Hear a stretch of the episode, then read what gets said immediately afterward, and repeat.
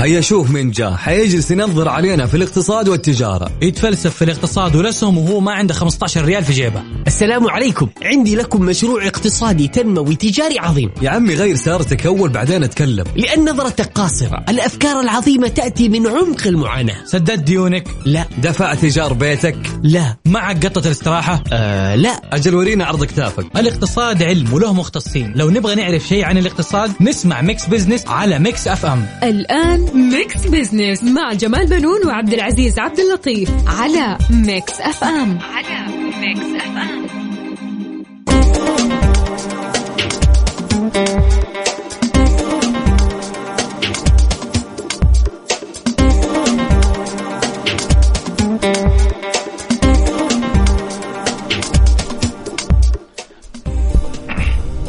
أهلا ومرحبا بكم مستمعينا. أنا جمال بنون أحييكم من ميكس إف إم وبرنامج ميكس بزنس أرحب بزميلتي غدير الشهري التي تشاركني التقديم. مرحبا غدير يا أهلا وسهلا فيك أستاذ جمال ومرحبا بكم مستمعينا في حلقة جديدة من ميكس بزنس والله زمان يا أستاذ جمال. طبعا أنت اشتغلت الحقيقة في برامج أخرى ولكن اليوم بتنورينا في ميكس بزنس تسلم. طبعا هذا البرنامج بيأتيكم كل أسبوع في نفس الوقت.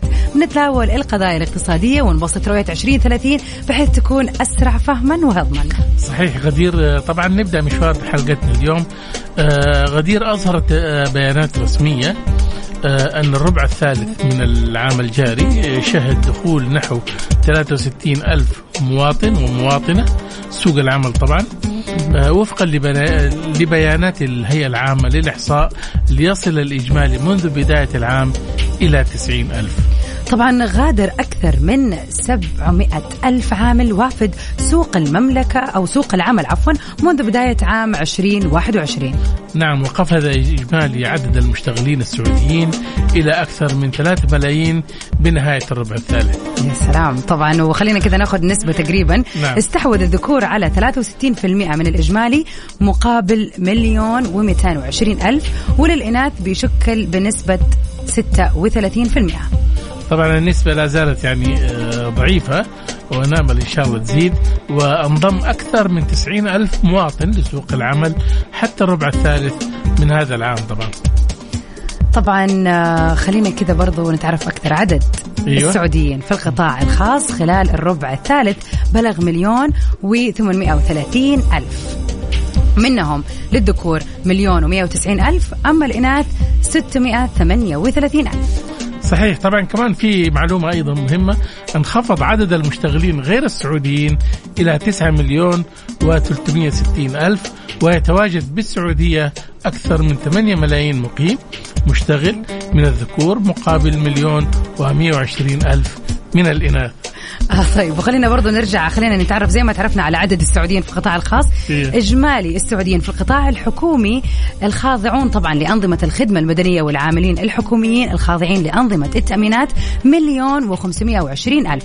الذكور بلغوا تسعمائة وثمانية ألف والإناث خمسمائة سبعة وسبعين ألف. طبعا الأرقام جدا جيدة. طبعاً. أما عدد السعوديين آه، غدير في القطاع الخاص خلال ال- الربع الثالث آه، بلغ مليون و830 ألف مليون و190 ألف كان بالنسبة للذكور وأكثر من 638 ألف من الإناث طبعا. بالضبط.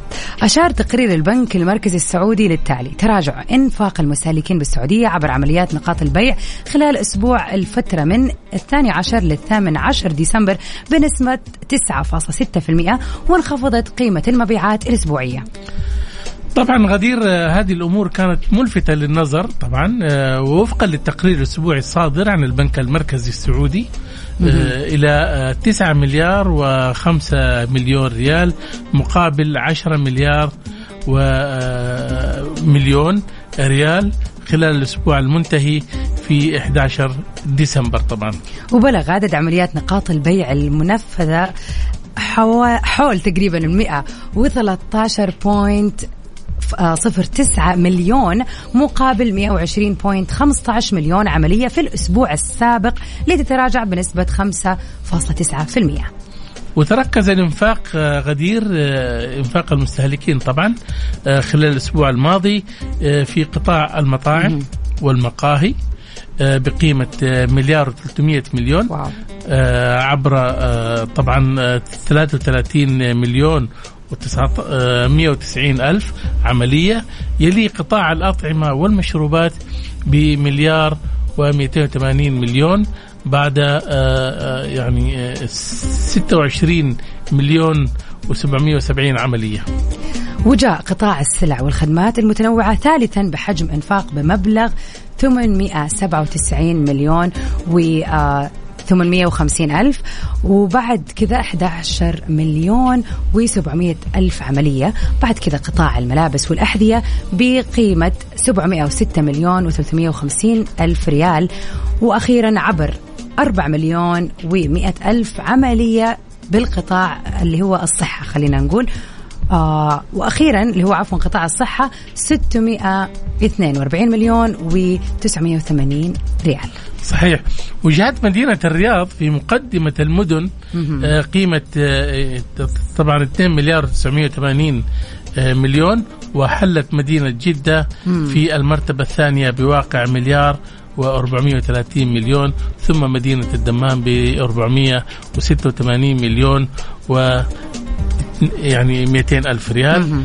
طبعا أكيد آه موسم الرياض وفعاليات آه الميدل بيست من أبرز الأنشطة اللي ساهمت في زيادة انفاق أكيد. طبعا يعني صحيح. الرياض جات في المكان الأول فعلا بسبب الفعاليات والأشياء الكثيرة وكون إنه كل الناس من حول المملكة قاعدة تتجه على الرياض بسبب الموسم وأظن كمان على إحنا على نهاية السنة فالناس يعني بتراجع ميزانياتها أكيد. بعضها بتحتفل طبعا بنهاية السنة أكيد في صرف حلو. صحيح طيب حنطلع فاصل ومكملين.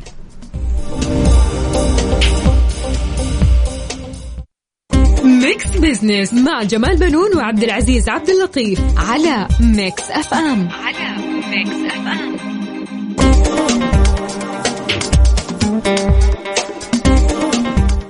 يا هلا وسهلا فيكم أعزائنا المستمعين ومكملين سوا في ميكس بزنس عبر أثير إذاعة ميكس اف ام.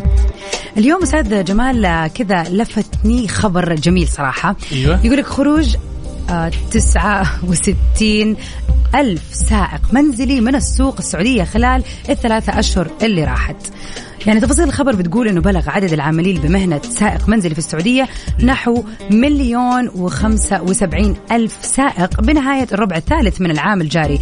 بينهم 145 سائقة منزلية. وفقا لبيانات رسمية اطلعت عليها بعض المصادر خرج نحو ست- آه، 69500 آه، سائق من السوق خلال الربع الثالث مقارنة بالربع الثاني من العام الحالي. الحقيقة الخبر مفرح أول شيء. فعلا. وكنا متوقعين إحنا طبعا يعني إحنا كنا أكثر ناس آه، في دول الخليج عندنا آه، سائقين آه، منازل. بالضبط. ليش؟ لأنه كانت ال- السيدات ما بيسوقوا سيارة صحيح. عندنا.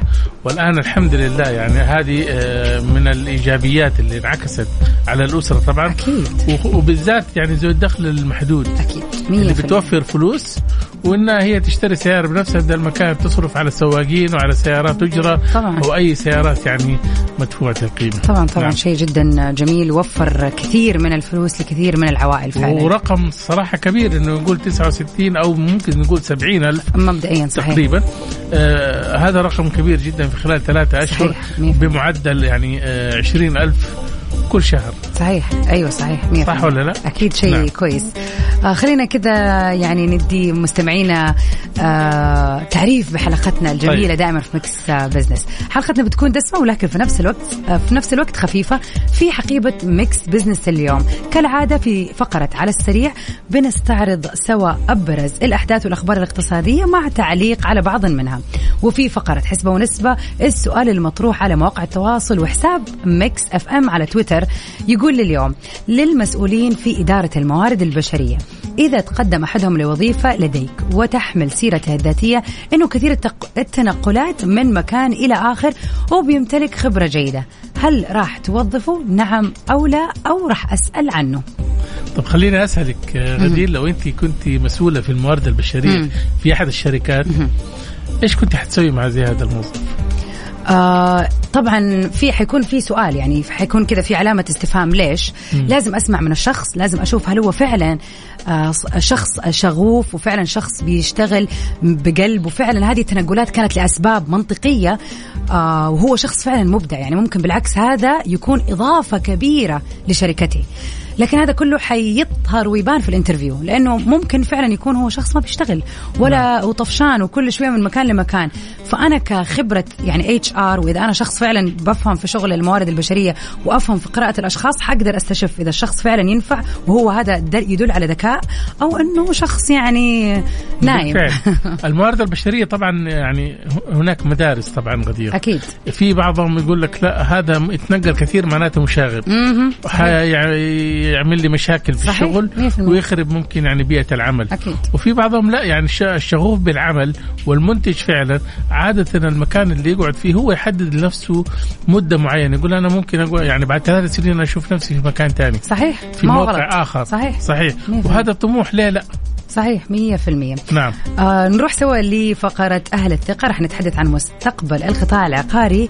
آه حيث بينعقد مؤتمر مهم في الرياض هو المؤتمر الثاني واللي تشارك فيه عدة جهات لها علاقة بصناعة العقار في السعودية. وللحديث عنه راح يكون ضيفنا من الرياض المهندس خالد الحمادي رئيس اللجنة الإشرافية لمؤتمر ومعرض آفاق ومستقبل القطاع العقاري الثاني والرئيس التنفيذي للمعهد العقاري السعودي. صحيح. أما في آه، طبعا في فقرة spotlight غدير آه، حنتحدث عن آه، صناعة الفعاليات وكيف أصبحت أحد أهم القطاعات التي تجد الاهتمام من رواد الأعمال حول هذه التجربة. طبعا نتحدث مع أحد المهتمين بصناعة الفعاليات الأستاذ محمد الخلف رائد أعمال ومختص في تنظيم صناعة الفعاليات. حيكون ضيفنا في الاستديو. نعم. بإذن الله. كل هذا وأكثر في حلقة Mix Business اليوم. لحظات ومكملين.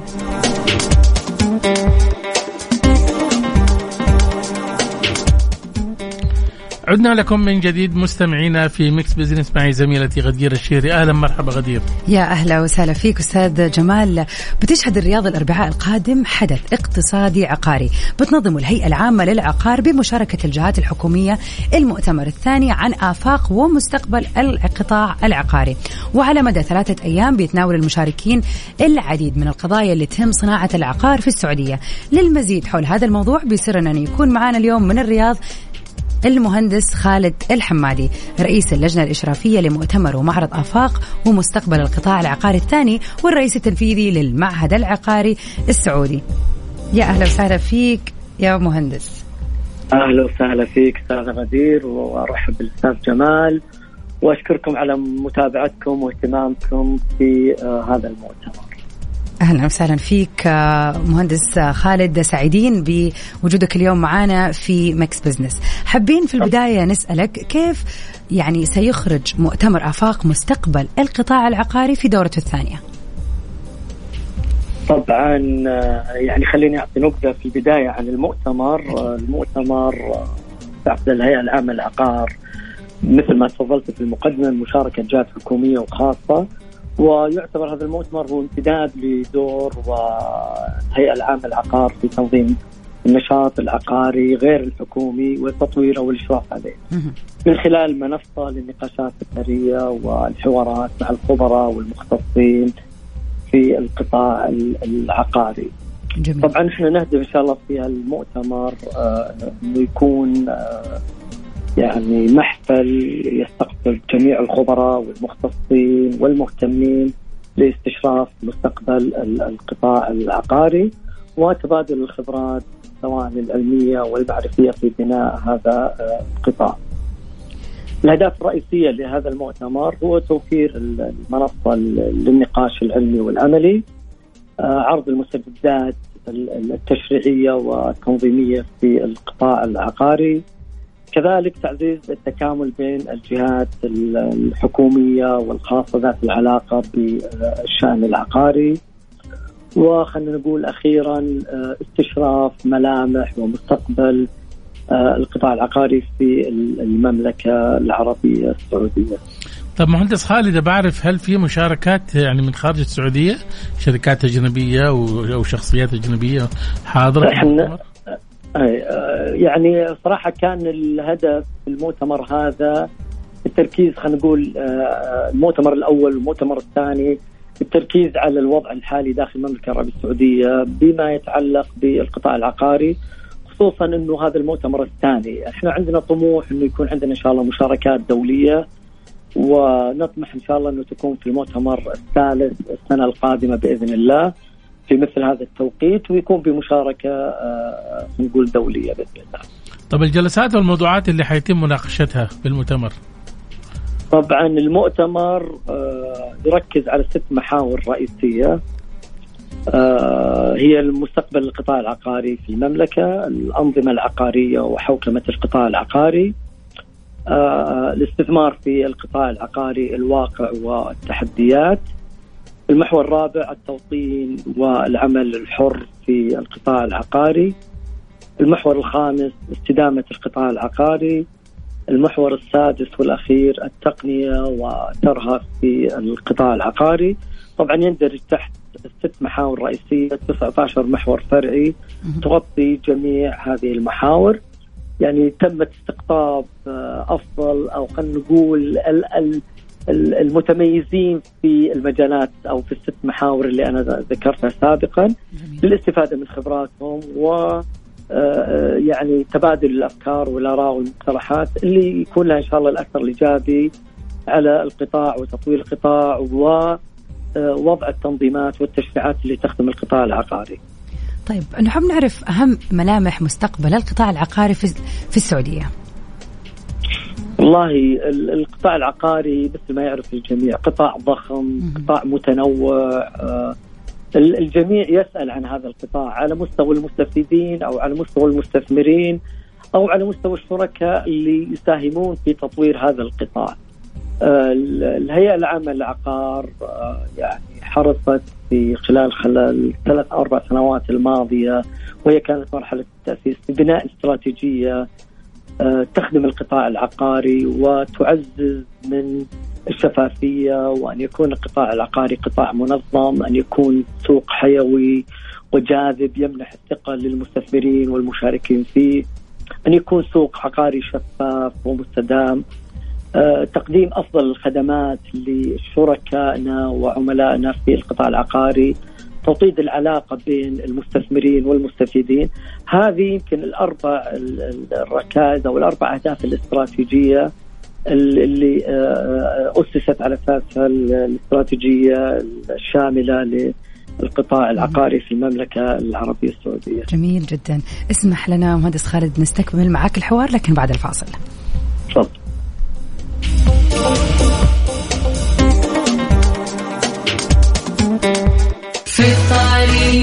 ولا بالبيت في الدوام غير mood ك واسمعنا في ترانزيت.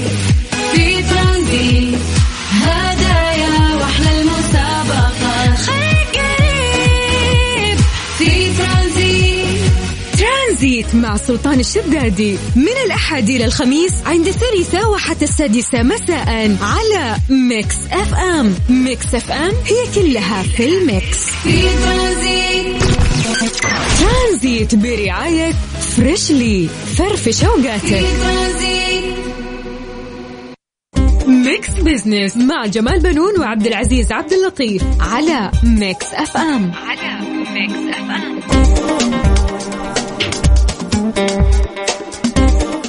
أهلا بكم مستمعينا من جديد وحوارنا اليوم مستمر مع المهندس خالد الحمادي رئيس اللجنة الإشرافية لمؤتمر ومعرض افاق ومستقبل القطاع العقاري الثاني والرئيس التنفيذي للمعهد العقاري السعودي حول مستقبل القطاع العقاري حيث بينعقد مؤتمر مهم في الرياض وهو المؤتمر الثاني واللي يشارك فيه عدة جهات لها علاقة بصناعة العقار في السعودية. أهلا وسهلا فيك من جديد مهندس خالد.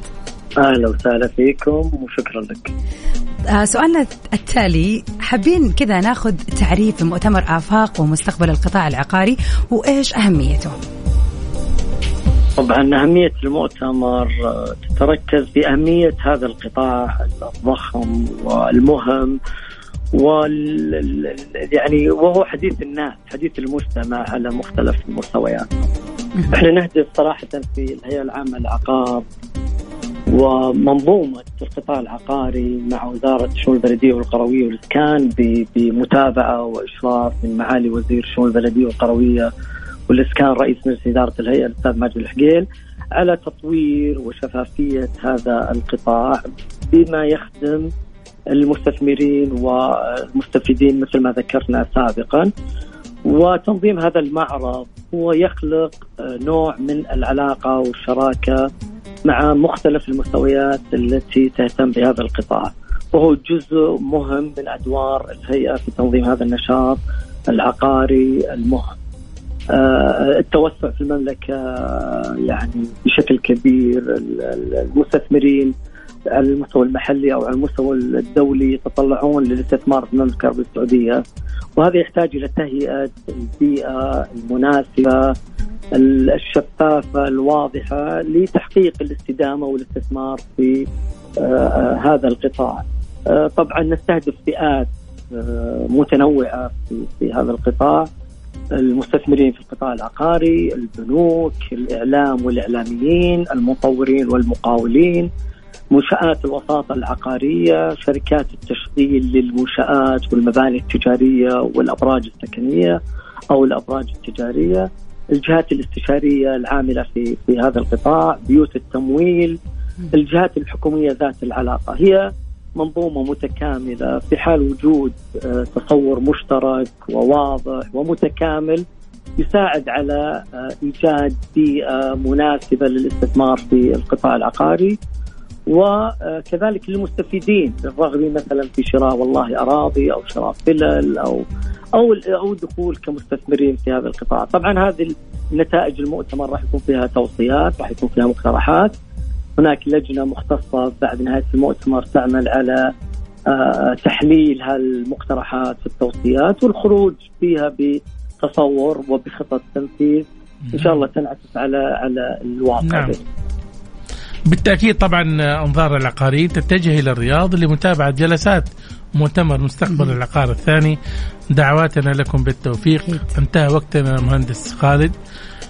آه آه يعني إن شاء الله يعني موفقين يا رب. بإذن الله إن شاء الله. شكرا لكم جميعا وأشكركم على اهتمامكم ومتابعتكم.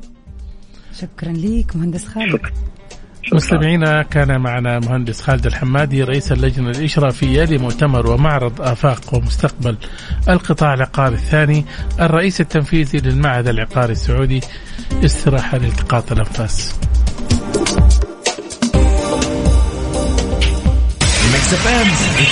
Mix Business مع جمال بنون وعبد العزيز عبد اللطيف على Mix FM على Mix FM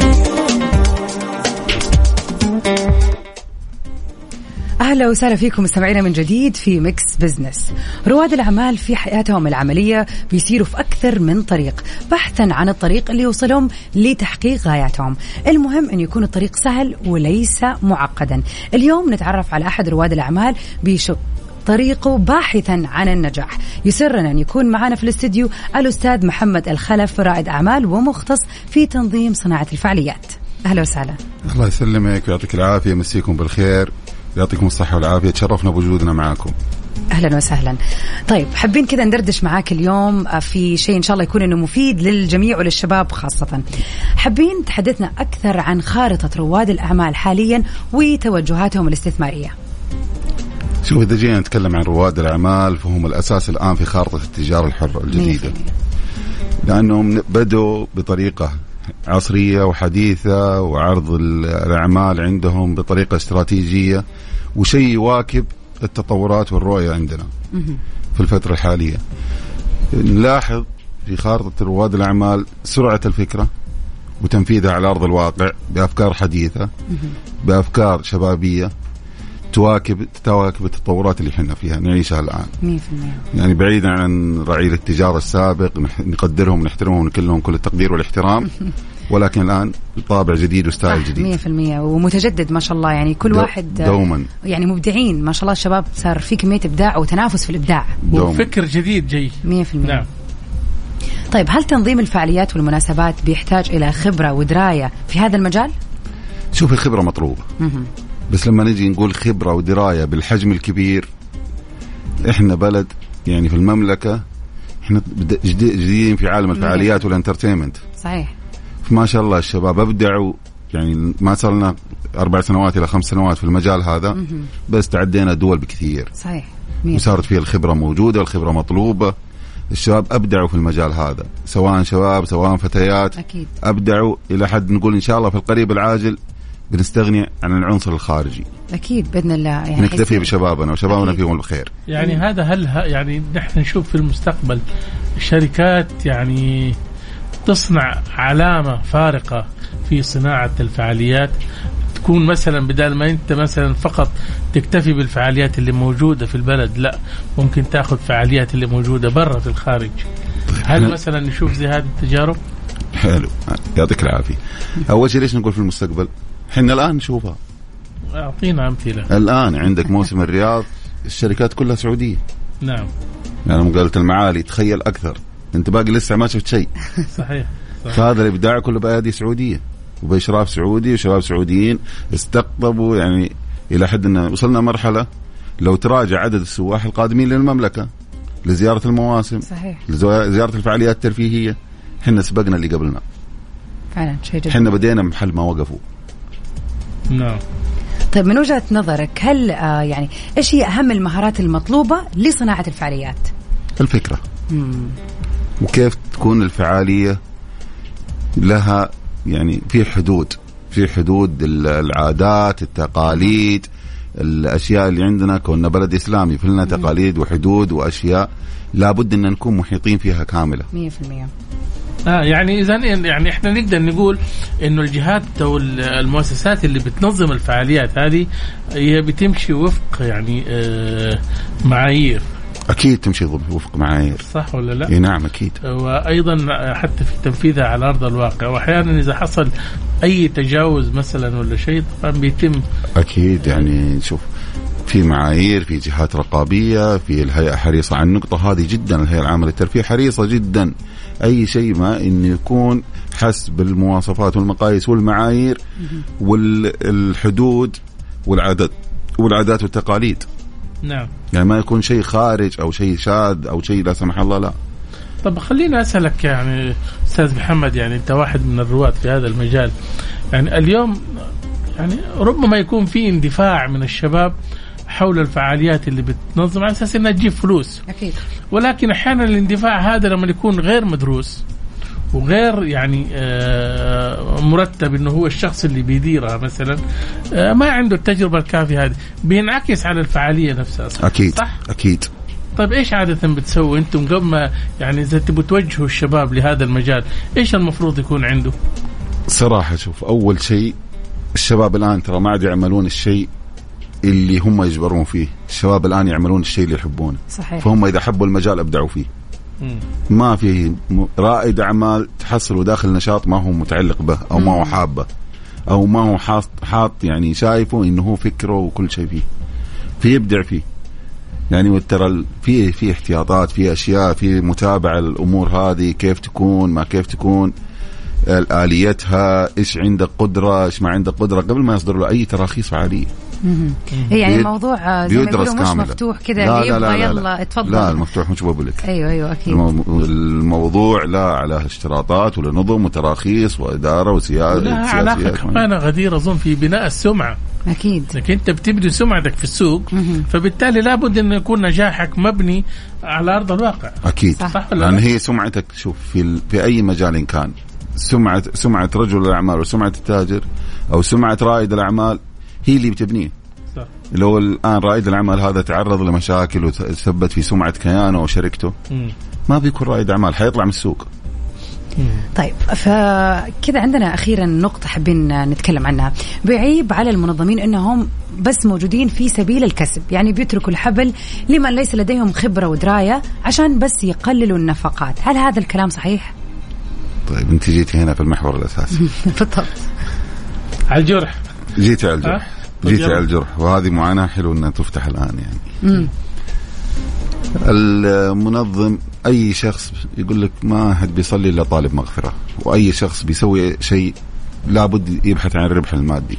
أكيد. ولكن إيش الفرصة اللي أعطيت لهم؟ يعني لما أجي أنا والله ما في تخصص ما في شركات قائمة بالشيء هذا ما في آلية. مثلا ال- الموردين أو الأشياء هذه فتلقى المنظم يدور السعر الرخيص. ما في تحديد أسعار معينة أو كائنه أسعار معينة. ونرجع نرجع للمشكلة. يعني بعض ال- الأخوة الأجانب الله يهديهم اللي يعملون لحسابهم الخاص. وفي هذا المجال تحديدا.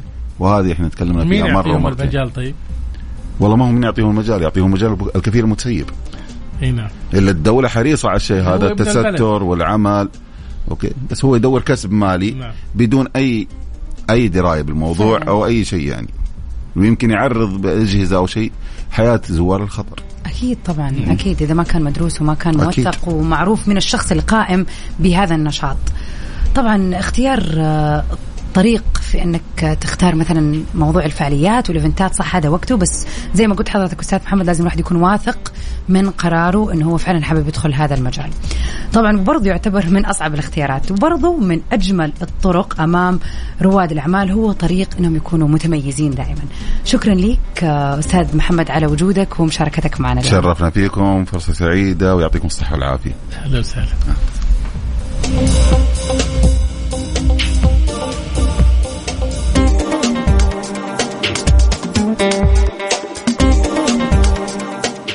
Mix Business مع جمال بنون وعبد العزيز عبد اللطيف على Mix FM. على Mix FM.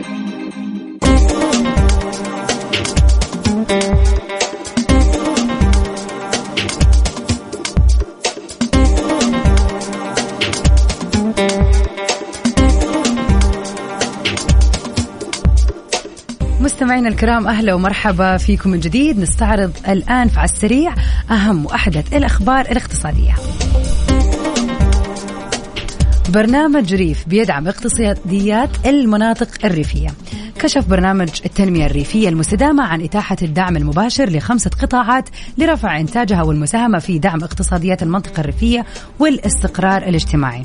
طبعا وقالت مديرة قطاع القيمة المضافة ببرنامج ريف مها دغريري في لقاء نظمته غرفة تجارة وصناعة مكة المكرمة أن البرنامج قدم حزمة من المعلومات عن برنامج التنمية الريفية المستدامة وتعريفا بقطاع القيمة المضافة والأسر المنتجة وأبرز المستهدفات وآلية الدعم. وحددت الأهداف الاستراتيجية للبرنامج في تنويع القاعدة الإنتاجية للزراعة والمساهمة في الأمن الغذائي وتحسين دخل ومستوى معيشة صغار المزارعين فضلا عن زيادة فرص العمل والحفاظ على البيئة والموارد الطبيعية وشملت القطاعات المستهدفة البن العربي والنحل وإنتاج العسل والفاكهة الورد والمحاصيل البعلية اللي هي المطرية. يبدو إنه الحقيقة الاهتمام ب بالاسر المنتجة ما يقتصر فقط على ال- الأسر اللي موجودة داخل المدن طبعاً. ولكن أيضا اللي في ال- يعني اللي موجودين في الأرياف لو لاحظت إنه البن العربي والنحل والإنتاج هذه كلها يعني منتجات بتكون في الأرياف بالضبط. والنساء يقدروا طبعا اللي موجودين فيها يشتغلوا فيها. طبعا العنوان الأخير آه، غدير في قائمة على السريع. الهيئة العامة للنقل تطلق مبادرة لتصحيح أوضاع شاحنات النقل. الخبر يقول طالبت الهيئة العامة للنقل شاحنات النقل الاستفادة من المبادرة التي أطلقتها لتصحيح أوضاع الأفراد والمنشآت في قطاع في نشاط النقل طبعا البري على الطرق ومكافحة. ظاهرة التستر فيه وتنتهي المهلة في 12 ديسمبر من عام 2022 وأكدت الهيئة انه الموافقة على هذه المبادرات راح تتيح الفرصة للأفراد والمنشآت اللي يملكوا عدد مركبات أعلى من الحد المسموح لهم نظاما من تصحيح أوضاعهم والتقدم بالحصول على ترخيص نشاط نقل البضائع على الطرق البرية مقابل إعفائهم من رسوم إصدار رخص سير نقل عام ورسوم إصدارات اللوحات. أيضا آه، وزارة يعني هيئة النقل آه، يعني أكدت إنه عدم ربط عملية إصدار التراخيص أو بطاقات التشغيل أو إصدار الخطابات بسداد المخالفات المتعلقة بهم طبعا وأفادت أنها ستحمي الناقل النظامي من المنافسة غير العادلة وستدعم جهود مكافحة ظاهرة التستر في هذا القطاع.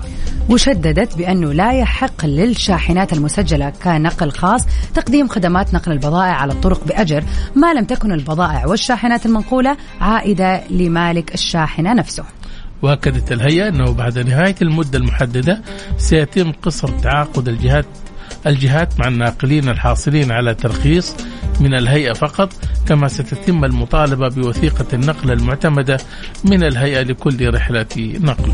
وراح تمنع الملك المركبات من دخول المنافذ الجمركية أو الخروج منها أو للمناطق اللي تشرف عليها الجهات الحكومية كما سيتم اشتراط الحصول على البطاقة المهنية من الهيئة عند تجديد أو تعديل مهنة المقيم إلى مهنة سائق نقل ثقيل.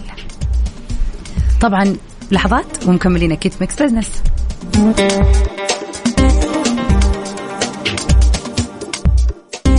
Mix Business مع جمال بنون وعبد العزيز عبد اللطيف على ميكس اف ام. على ميكس اف ام.